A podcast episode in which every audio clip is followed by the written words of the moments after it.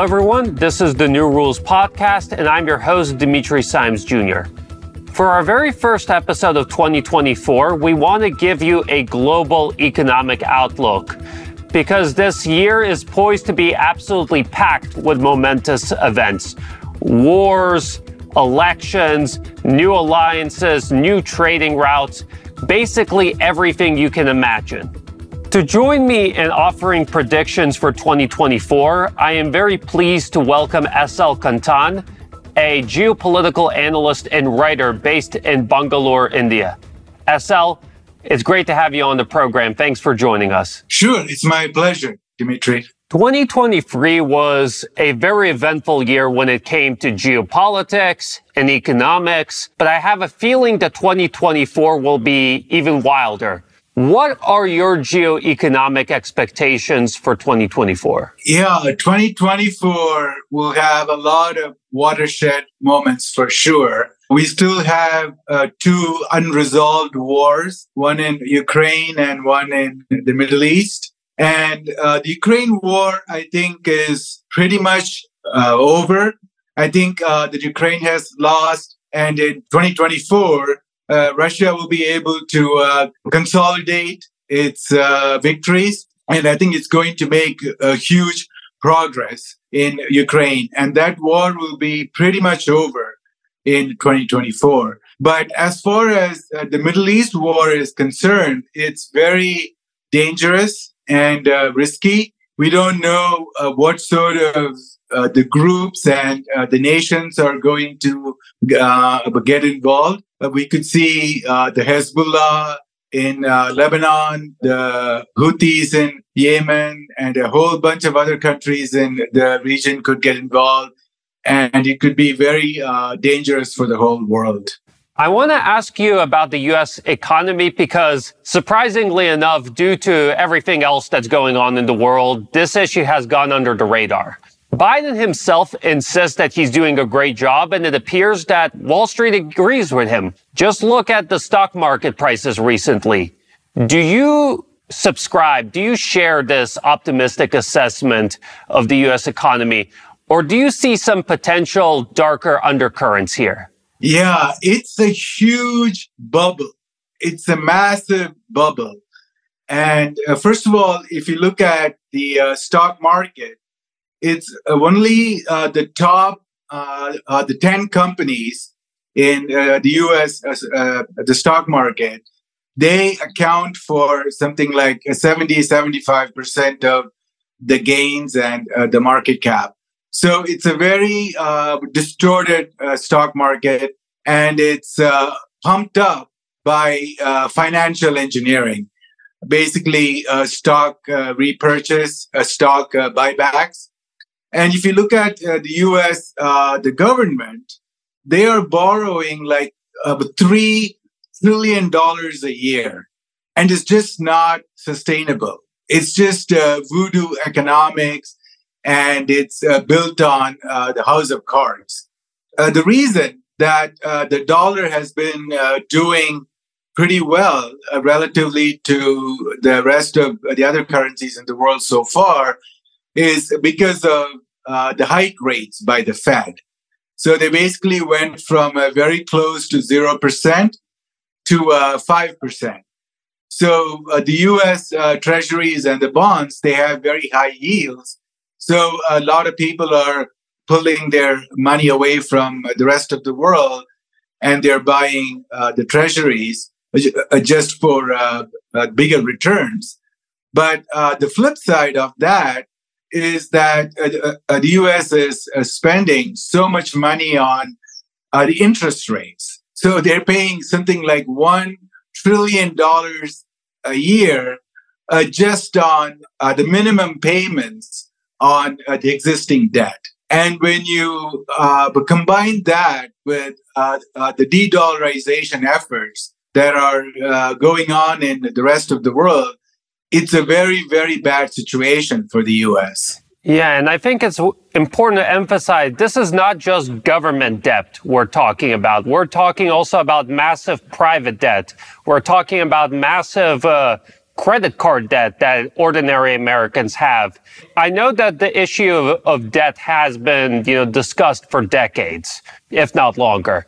But it really does seem that this sort of economic system, which is based on spending beyond your means, I'm not sure how sustainable that is going into 2024, given all of the sort of turbulence that we're starting to see in the world right now. Yeah.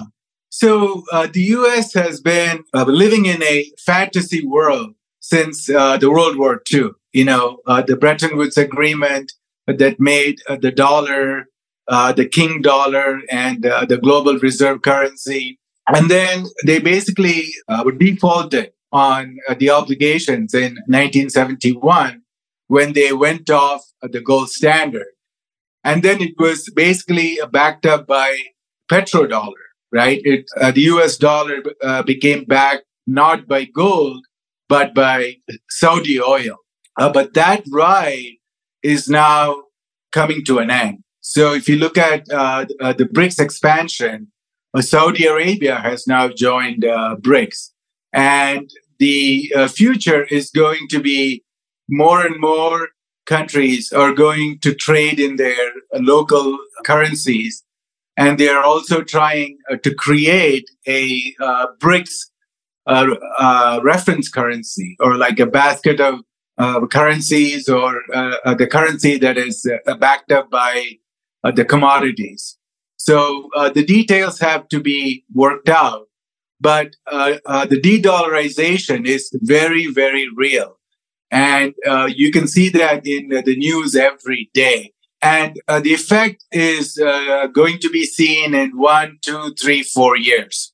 It's a, uh, gradual process. And if you look at uh, the US dollar's uh, share in uh, the global reserve currencies, it's now only 58%. Okay, so when that drops to, like, say, 48%, then it'll have a huge impact on the psychology of the world. And then when it uh, drops to say 40%, uh, then the value of uh, the dollar will start to plummet. I definitely want to return to the topic of de-dollarization a bit later in our conversation, but first I just want to return to a closer look of the US economy because when I think of long-term sustainable economic development, I usually think of two things. Industrial capacity and technological innovation. When it comes to these two factors, which country is better positioned for a stronger 2024? The United States or China? I would say uh, definitely China. you know, so there was uh, the interview with uh, the CEO of uh, Raytheon, and he said something very shocking. He said, "We depend on thousands of Chinese suppliers for the Raytheon products, right? Uh, so Raytheon is uh, the military industrial complex giant. So what it shows is that nothing in uh, the US can be done uh, without the uh, supply chain, raw materials, or the products from China.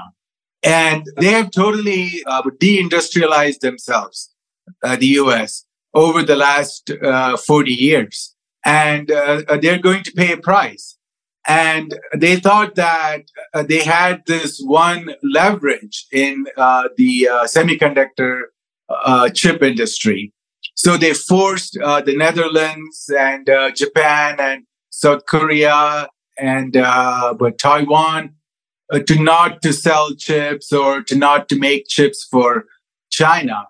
But what we saw in 2023 was Huawei was able to make seven, nano, uh, seven nanometer semiconductor chips for its uh, 5G smartphone. So China is making uh, breakthroughs, and they're now uh, uh, like already uh, developing the architecture for five nanometers and even three nanometers. And once they reach five nanometer, uh, then uh, the US uh, basically has no advantage. And if you just uh, follow the uh, science news from China, uh, they keep making uh, breakthroughs every day in uh, some sector or another. Uh, so I would say we will see a lot of uh, big news from China in 2024 in uh, various sectors, in semiconductors, the artificial intelligence, the quantum computing, robots, 5.5G, the autonomous vehicles, drones, military weapons, and so on. Yeah. And I just, you know, again, I want to back up what you say because when you look at the statistics, for example, China is the leading producer and owner of industrial robots, which suggests that they're not only developing cutting edge technology, but they're the country that is most successful at putting these, uh, you know, to new technologies to economic use. No less significantly, I think, is that China is the current world leader when it comes to 5G and 6G uh, telecommunication development. And this is, you know, game changing stuff. Because if railroads were the main economic artery of the 19th century, in the digital 21st century, telecommunication uh, networks are playing that same role. So whoever has the most developed telecommunication networks has the greatest ability to scale up in the digital economy. Yes. You know, I went on uh, Twitter and I asked uh, people, hey, uh, what is the 5G uh, speed, uh, the download speed in your city, in your uh, country where you live? And the responses I got from the US were so shocking, were so low. And uh, the people in uh, China were uh, posting uh, their download speeds, which is like 500 megabits, 700 megabits. I mean, sorry, gigabits. Oh, no, no, sorry, megabits. So uh, they were posting uh, uh, photos with uh, 500 megabits, uh, 700 megabits, and so on. And then from uh, the US, people were saying 50 megabits, 100 megabits. So there's a huge difference. And the Chinese, the government, they're focused on the overall the development, right? So they're not so focused on the, the profits so uh, they want uh, to, uh, to, enable uh, very cheap uh, the infrastructure like 5G, uh, 5.5G is their goal for 2024, and then they let the rest of the industries thrive on this solid the infrastructure. And they're focusing on what is known as the fourth industrial revolution and it's a uh, the combination of uh, 5G, 5.5G, uh, robots, uh, the, uh, the, artificial intelligence, and uh, what is known as the Internet of Things. Yeah, and I think it's worth noting that in addition to these sort of high tech developments, we also see China make gains in traditional, more traditional industries like automobiles. Since 2020, China has significantly increased its share of the global automobile market. And we see a particularly big jump since 2022. Now, why is that? Our audience members may ask. Well, the Ukraine conflict ha- is actually the answer to that question because in 2022, all the big Western Japanese brands left the Russian market. So you now have a market of 150 million people with money to spend, with demand for cars, and their traditional suppliers are gone. So who moves in to take advantage of this situation? Obviously the Chinese automobile companies. And I can tell our audience members that if you try to order a taxi in Moscow right now, there's a pretty good chance that you will be picked up by a Chinese car like Haval, Geely, Chery, so on and so forth. So this is, you know, yet another interesting example where geopolitics and economics come together in the most unpredictable way. Uh, yes. And also, uh, China has made uh, progress, leaps and bounds in uh, the electric cars, which uh, somehow Europe totally missed out on. So in 2023, uh, with two out of the three uh, the electric cars in the world were made and sold in China. And they have really mastered the entire supply chain for the electric cars. So they make the batteries. Uh, so like uh, something like 90% of uh, the electric car batteries in the world are now made in uh, China.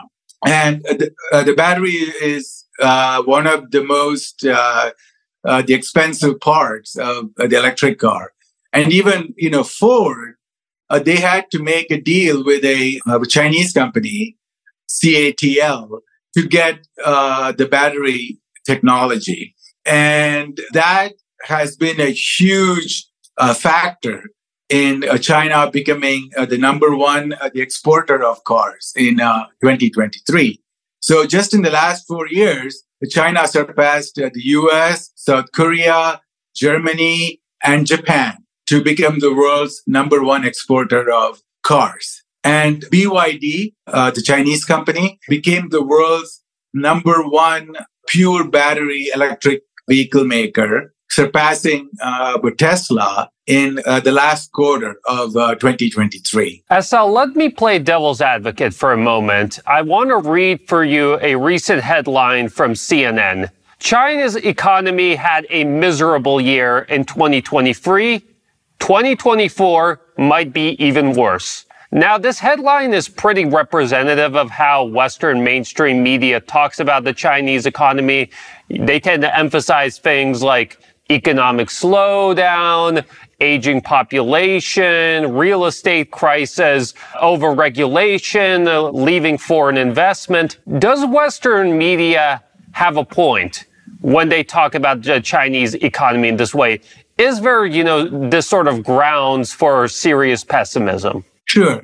You know, uh, China does uh, face those problems that uh, CNN mentions in terms of uh, the demographics and uh, the real estate uh, crisis. those are the two big problems. But the first point about China's economy doing bad in 2023, that's a joke. Okay.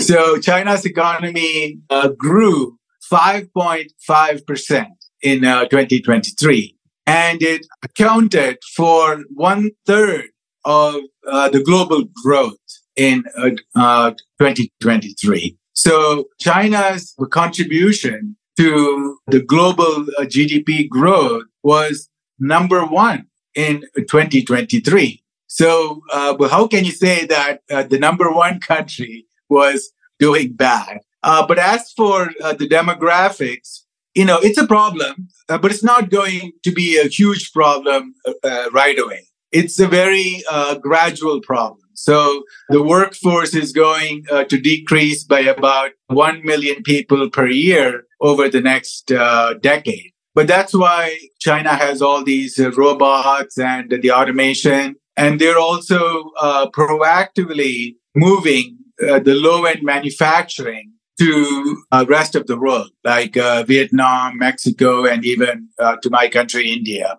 So there are lots of uh, solutions for the demographic uh, decline. And uh, the real estate problem, they have a lot of solutions and a lot of flexibility. So they'll be able to control the decline. And it's also good because the prices of the homes in uh, big cities like Beijing, Shanghai, Shenzhen are just super high.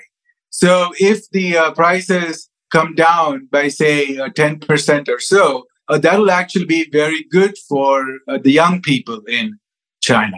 So, I mean, I guess, you know, this returns us back to the fundamental question.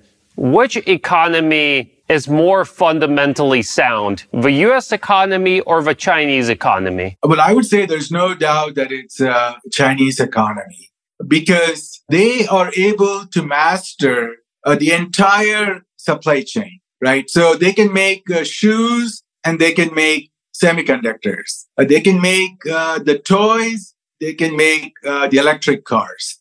And they work as a society so if you look at the government, the corporations, uh, the people, uh, they all work together. Uh, the local government, the central government, uh, small corporations, uh, big corporations. So they all sit together and they plan for the next uh, five years, 10 years, 15 years. And uh, they don't have uh, uh, slogans like the US, right? So, like if you watch the US politicians or even the think tanks, they all have very simple solutions, right? whatever the problem, the answer is always just one phrase or one sentence. Make America great again. Small government with tax cuts. And then you look at uh, the Chinese uh, five year plans. They will have 75 action items, right? So they will say, these are the 75 things we will do over the next uh, five years to make uh, China great. So uh, that's the sort of uh, the comprehensive planning and uh, the development that will make sure that China keeps succeeding. I want to remind our audience members that you are watching and listening to the New Rules podcast. I am your host, Dimitri Simes Jr., and our guest today is SL Kanthan. I want to play devil's advocate again because it seems that in some ways the Biden administration acknowledges the fact that it's starting to lose the economic race to China. That's why they instituted the CHIPS Act, the Inflation Reduction Act, and they claim to have invested over $100 billion in creating new technologies, new factories, new jobs, trying to reindustrialize America. Is it possible that the U.S over the next several years could get its act together. Is this a genuine attempt to fix America's problems, or is this yet another Biden Potemkin village? Yeah, you know, uh, the problem with uh, the US is uh, they have lost the uh, manufacturing skills over the last uh, 40 years. So, uh, and that skill is not going to come back, right? So, if you want to start a manufacturing plant, you need uh, people with lots of experience. And uh, that experience is gone. So uh, the workers are gone, uh, the managers are gone, uh, the technology is not there. So they can never uh, bring back manufacturing. And what Biden has been trying to do is to steal the technology from Taiwan's TSMC it's basically a forced technology theft. And they brought in these TSMC scientists and uh, the engineers to uh, the US. And they said, uh, let's start a uh, five nanometer semiconductor chip lab. But it's uh, uh, like already falling behind in a schedule and it's costing a lot more, twice as much. So that process has been a of disaster. You know, in uh, China, uh, the government they give uh, subsidies to uh, the corporations, uh, but they place very strict rules. So they would say, okay, uh, so we're going to give you five billion dollars, and you have to make it happen by this time. In the U.S., there's no accountability. So Biden gives 100, 150 billion dollars to the corporations, and the first thing that uh, the corporations do is to use uh, some of that money for uh, stock buybacks. So it's a it's a big scam, and uh, they're not going to be able to make any significant progress. Yeah, we've been talking about U.S. China competition, but I think it's important to emphasize for our audience members that this is bigger than just U.S. China competition because in 2023, we saw a emerging, a burgeoning economic showdown between U.S. and BRICS Plus. Uh, during the BRICS summit last August in South Africa, we saw the alliance add six new members, the biggest expansion in the organization's history. And Russia has promised that in 2024, we'll see another round of expansion under its BRICS chairmanship. So, SL, what do you expect from BRICS in 2024? Yeah, I think it's going to be tectonic changes because about uh, 40 countries have uh, shown uh, the desire to join the new BRICS. So in uh, 2023, six new countries join, and they're going to officially become the members sometime in January 2024. And now Russia is leading the BRICS Plus presidency in 2024. So they're going to allow a lot of new strategic members uh, to join BRICS. And it's, you know, uh, this is uh, the biggest, uh, the pillar of uh, the multipolar world. So uh, people are talking about the emerging multipolar world, and BRICS is going to be the foundation of that. And the BRICS community is going to focus on cooperation, trade, development, uh, using the local uh, currencies and to move away from the dollars and to move away from uh, sanctions and wars.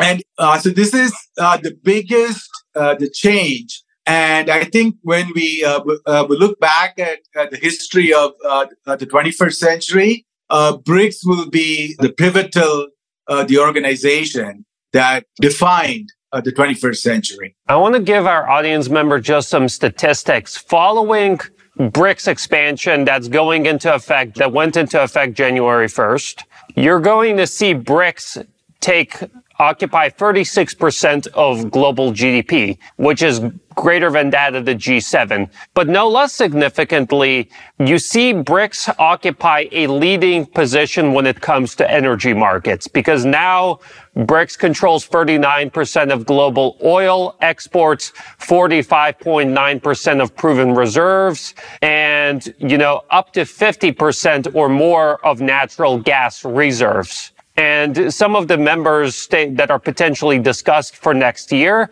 are Algeria and Venezuela. So you could see BRICS potentially in 2024 consolidate its position as an energy powerhouse. Yes. So, you know, but if you uh, uh just add uh, Russia, Saudi Arabia, and Iran, uh, they make a, a significant uh, share of natural gas and oil and even lithium.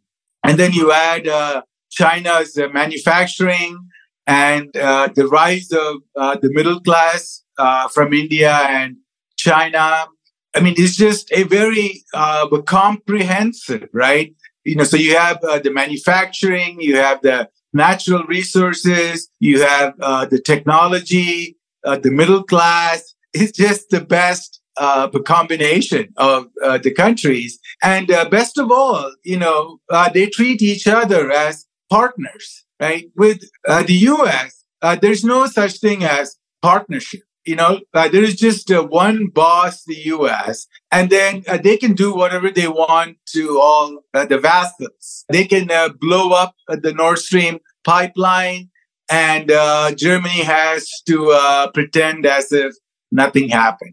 So with BRICS, uh, that's not the case. It's a very new paradigm, you know, where uh, the countries work together as uh, partners and they focus on, you know, win-win partnership.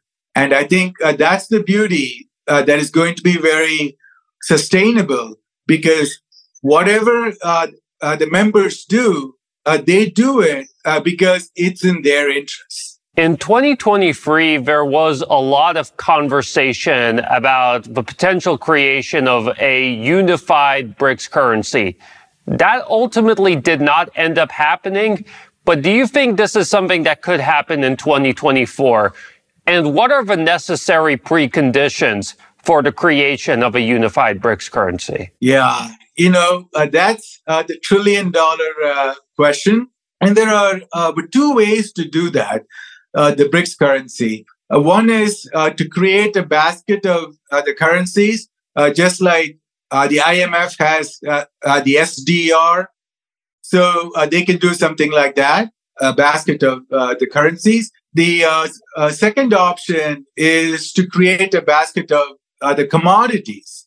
So, you know, so you have some uh, uh, the X amount of uh, BRICS, the currency, is going to be backed by uh, the oil, natural gas, lithium, wheat, rice, uh, whatever you can think of. So, I mean, uh, there could be uh, gold as well, right?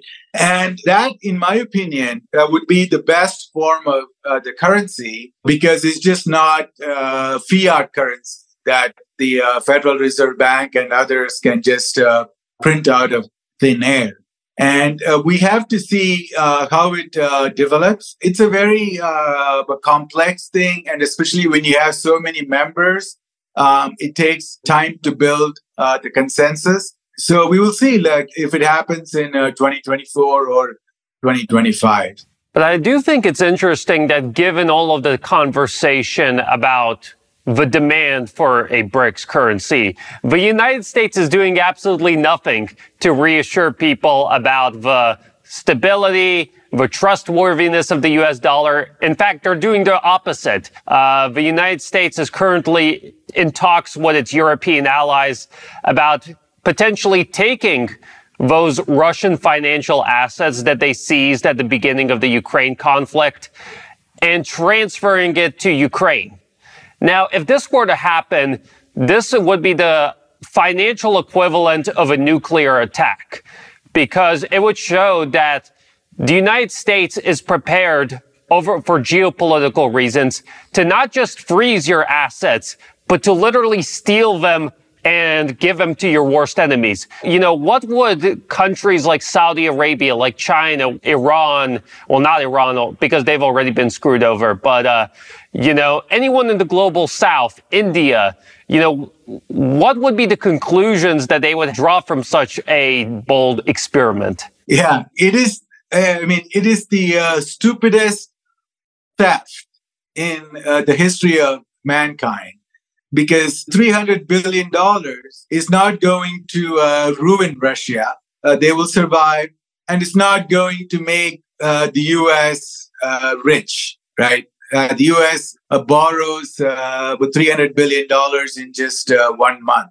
So, but the damage it causes to the trustworthiness and the credibility and the whole the sanctity of the uh, financial uh, structure is gone. And uh, no country is going to trust uh, the US again. And uh, the problem with uh, the US is the elites, the pundits, the media, the politicians, they live in a bubble. They are not able to see the end of Pax Americana. they're not able to see at the end of uh, the American century, right? And uh, that's gone. Uh, the American century is uh, practically over. Uh, but that concept is not sinking into the American psychology. And it's a huge problem. So they keep doing uh, what they've been doing, like as if it's 1993 when they had the unipolar moment. Russia was weak. China was weak and there was nobody to challenge uh, uh, the hegemon. Uh, but those days are gone. And it's really, uh, you know, sad uh, because it's going to uh, bring in a lot of, you know, shock to the American society. And I wouldn't be surprised if there's some sort of a the civil war in the U.S. in the next decade. I think that in addition to the financial sphere, another place where BRICS could actually give the United States a run for its money is logistics because the collective West has long had a monopoly on commercial shipping, but we're seeing that slowly starting to change. It, it, began for geopolitical sanctions reasons, but now we see with the Red Sea crisis that it's only getting more escalated. And given this sort of situation, I think that BRICS could potentially step up and try and offer its own alternatives when it comes to logistics and shipping. Yeah, you know, uh, because you, uh, like there was this uh, sort of uh, uh, propaganda by uh, people like Peter Zeihan who said, "Yeah, you know, we the U.S. we protect the sea lanes of the world." Uh, but now you see that uh, the mighty US is not able to do anything about uh, the Houthis in uh, Yemen. And uh, that a small group is able to uh, scare off all of the European and the American ships. but they can say, you know, we're not going to attack the BRICS ships, right? So and the whole uh, the supply chain you know if you look at uh, the top 10 uh, uh busiest uh, seaports uh, the container seaports in the world seven of them are in china. And one or two more are in south korea and in singapore. So the trade is all happening on the east side of the world. And the western ports if you look at Los Angeles and so on, uh, they've really uh, dropped in uh, uh, uh, trade and they're not significant anymore. So, in whatever way you slice the cake, the US is losing its preeminence and the power has moved to the east. And you see a very symbiotic relationship in the east, right? Russia, China, it's like uh, perfect uh, marriage made in heaven. Uh, so one has uh, the resources, uh, the military, uh, the diplomatic skills, and China has the manufacturing and all of that. It's like a perfect combination. And the Asian countries, most of them are being very smart. they're not taking the sides between China and the US. they're playing the neutral.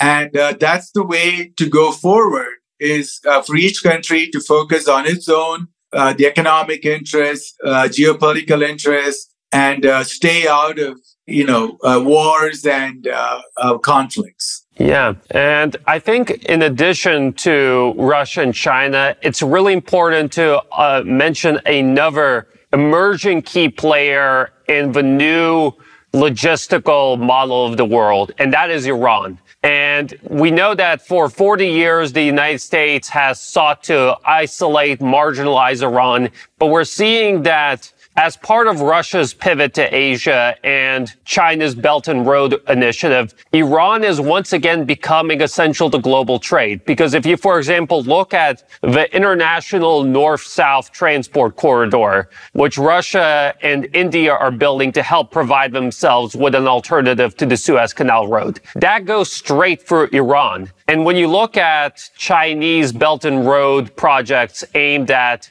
you know, establishing new ports, new gateways to the Middle East. Iranian ports also play a central role in that. So I think that in 2024, you're going to see Iran further break out of Western sanctions, isolation and blockade. And you're going to see Iran blossom as a new logistical hub in a multipolar world. Absolutely. Absolutely. I totally agree. Yeah. You know, uh, so, uh, but them joining uh, BRICS, and uh, the uh, the smartest thing uh, that Iran did was to make peace with Saudi Arabia, because that was the U.S. strategy of the divide and rule in the Middle East. So now that Saudi Arabia and Iran have made peace, it gives the Iranians a huge opportunity to focus on uh, the infrastructure projects, uh, the trade projects that you uh,